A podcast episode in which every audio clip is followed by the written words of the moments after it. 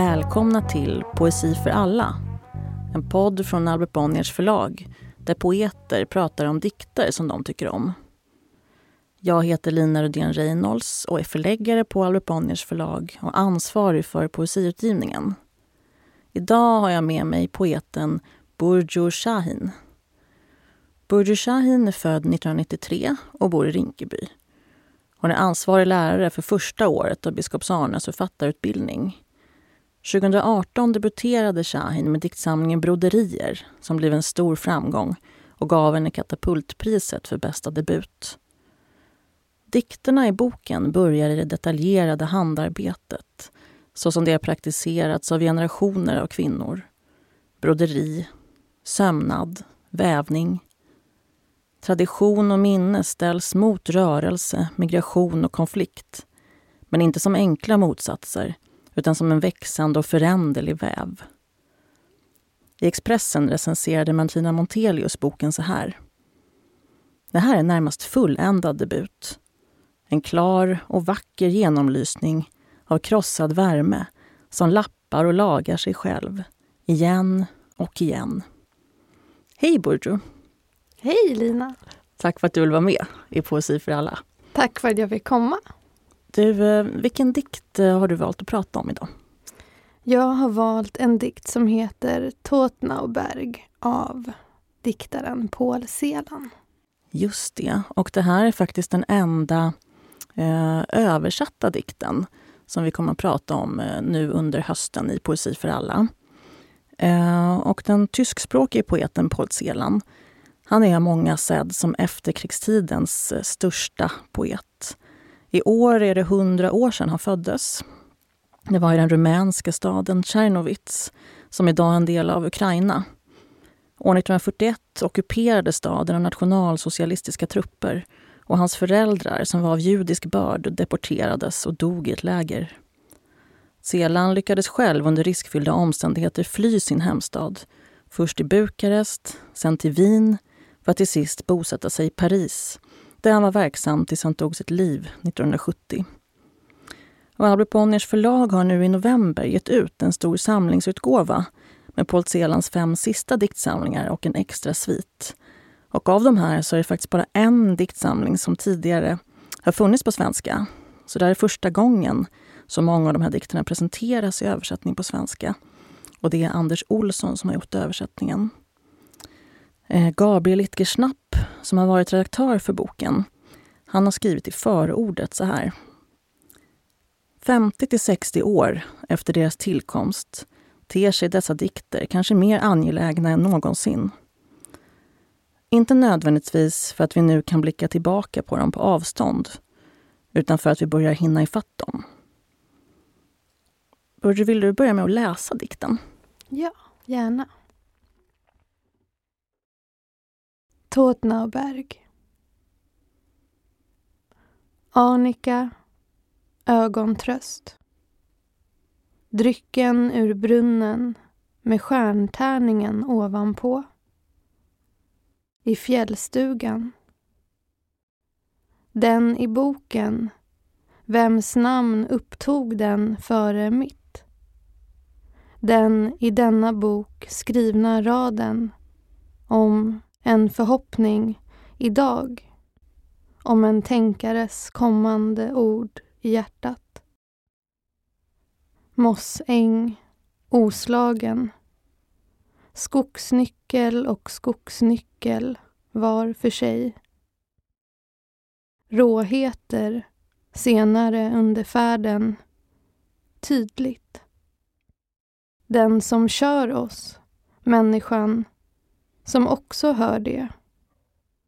De halvbeträdda timmerstigarna i högmossen. Fuktigt. Mycket. Tusen tack för den fina läsningen. Ja. Och hur kommer det sig att du har valt just den här dikten?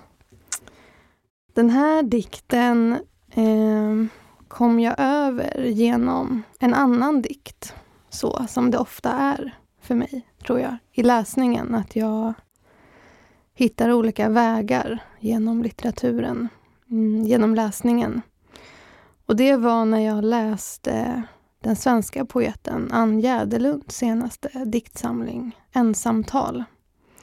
Som på sätt och vis eh, går in i en brevväxling mellan Paul Celan och Ingeborg Bachmann, en annan författare som under många år hade en vänskap och en slags romantisk relation.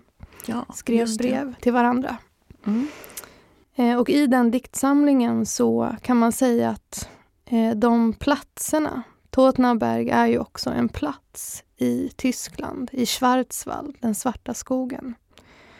Eh, och i Jäderlunds dikter så var det som att det landskapet liksom kom till liv.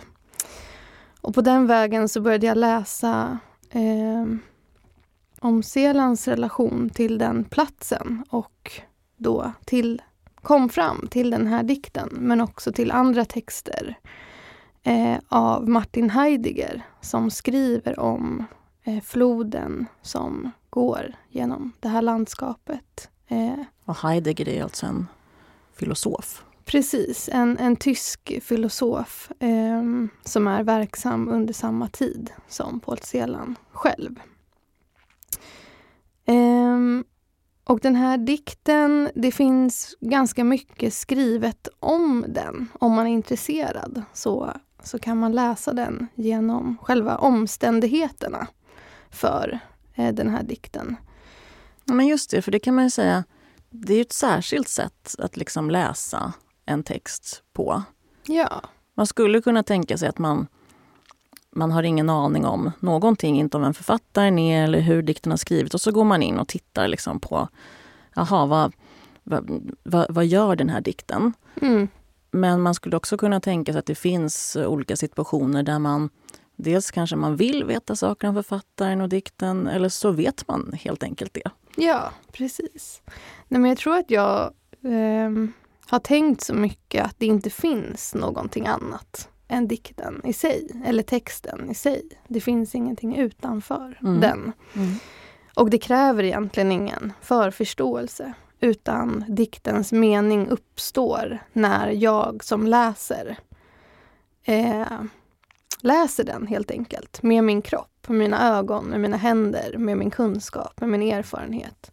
Precis, i allmänhet menar du då? Inte Ja. just den här dikten, utan ja. Nej men precis, dikter i i allmänhet. allmänhet. Men just med den här dikten och kanske det kanske är en ändring i mitt eget sätt att förhålla mig till att läsa poesi. Att jag ändå tycker att det kan finnas någonting eh, i att förstå eller veta under vilka omständigheter någonting skrivs. Att det också är ett svar på de omständigheterna, på den världsordningen. Eller det kan vara både stora politiska omständigheter men också privata eller personliga.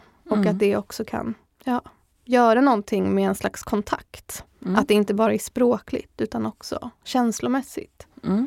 Så.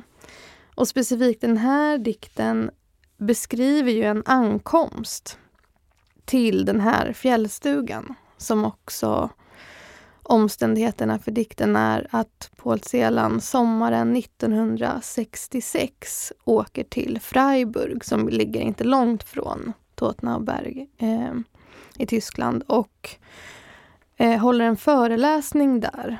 Och det är också samma plats där Martin Heidegger då också 1933 håller sitt rektorstal där han blir invald.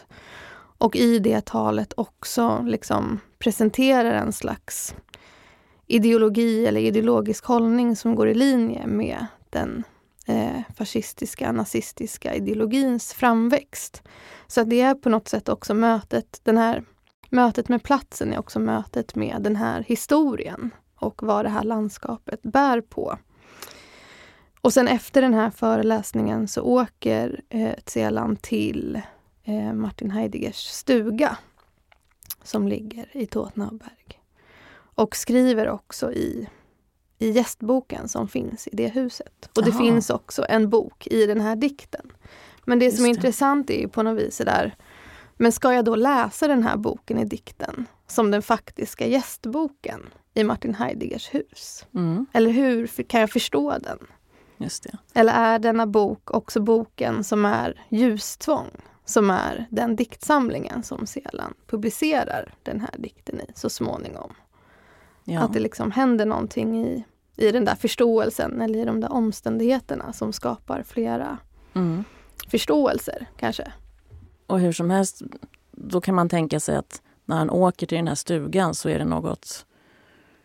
Um, ja, på ett sätt är det en ganska hemsk plats om man ser till vad Heidegger som sagt skrev fram för egen mm. ideologi. Mm. Som ju har att göra med allt det som uh, Selan och hans familj och det judiska folket blev utsatta för mm. under andra världskriget. Mm. Precis. Och samtidigt så finns det en komplexitet, tänker jag, för att Selan ju ändå går med på att åka dit och är också intresserad av Heideggers filosofi och mm. också Friedrich Hölderlin som är en annan tyskspråkig poet som Selan läste mycket och som Heidegger också skrev om. Ehm, och det finns ju på något vis i, eller har jag tänkt, den raden En förhoppning idag.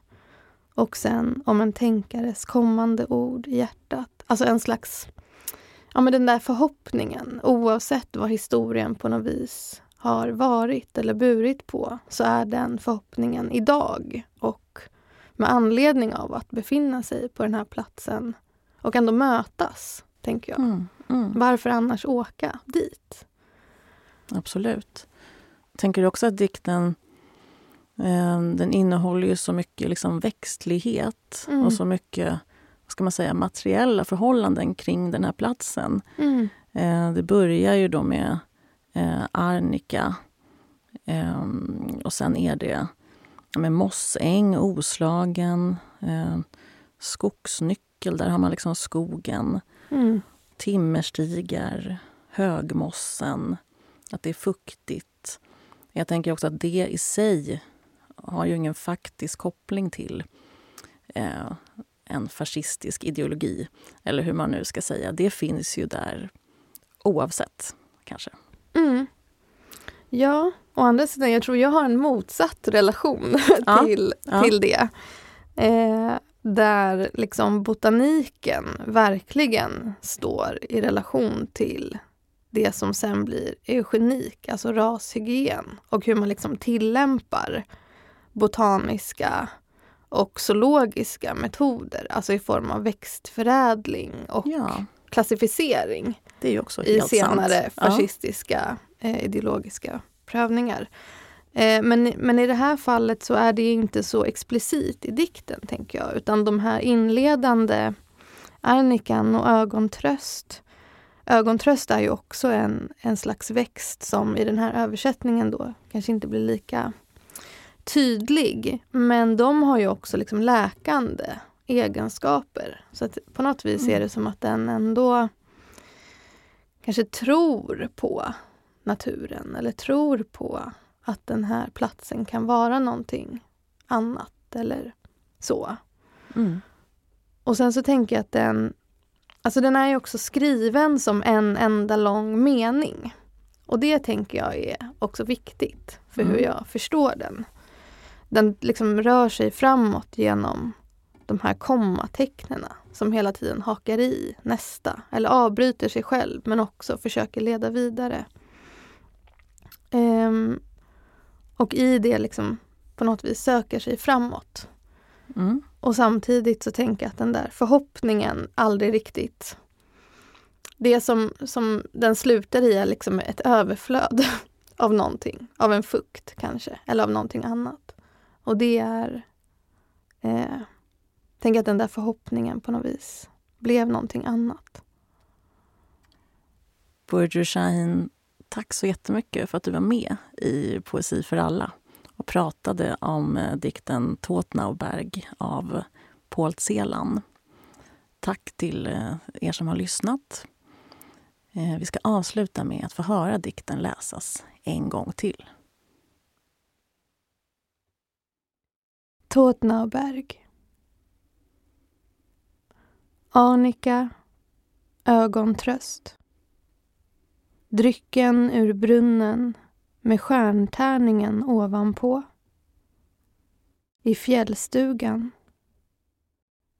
Den i boken Vems namn upptog den före mitt? Den i denna bok skrivna raden om en förhoppning idag om en tänkares kommande ord i hjärtat. Mossäng, oslagen. Skogsnyckel och skogsnyckel var för sig. Råheter senare under färden tydligt. Den som kör oss, människan, som också hör det. De halvbeträdda timmerstigarna i högmossen. Fuktigt. Mycket.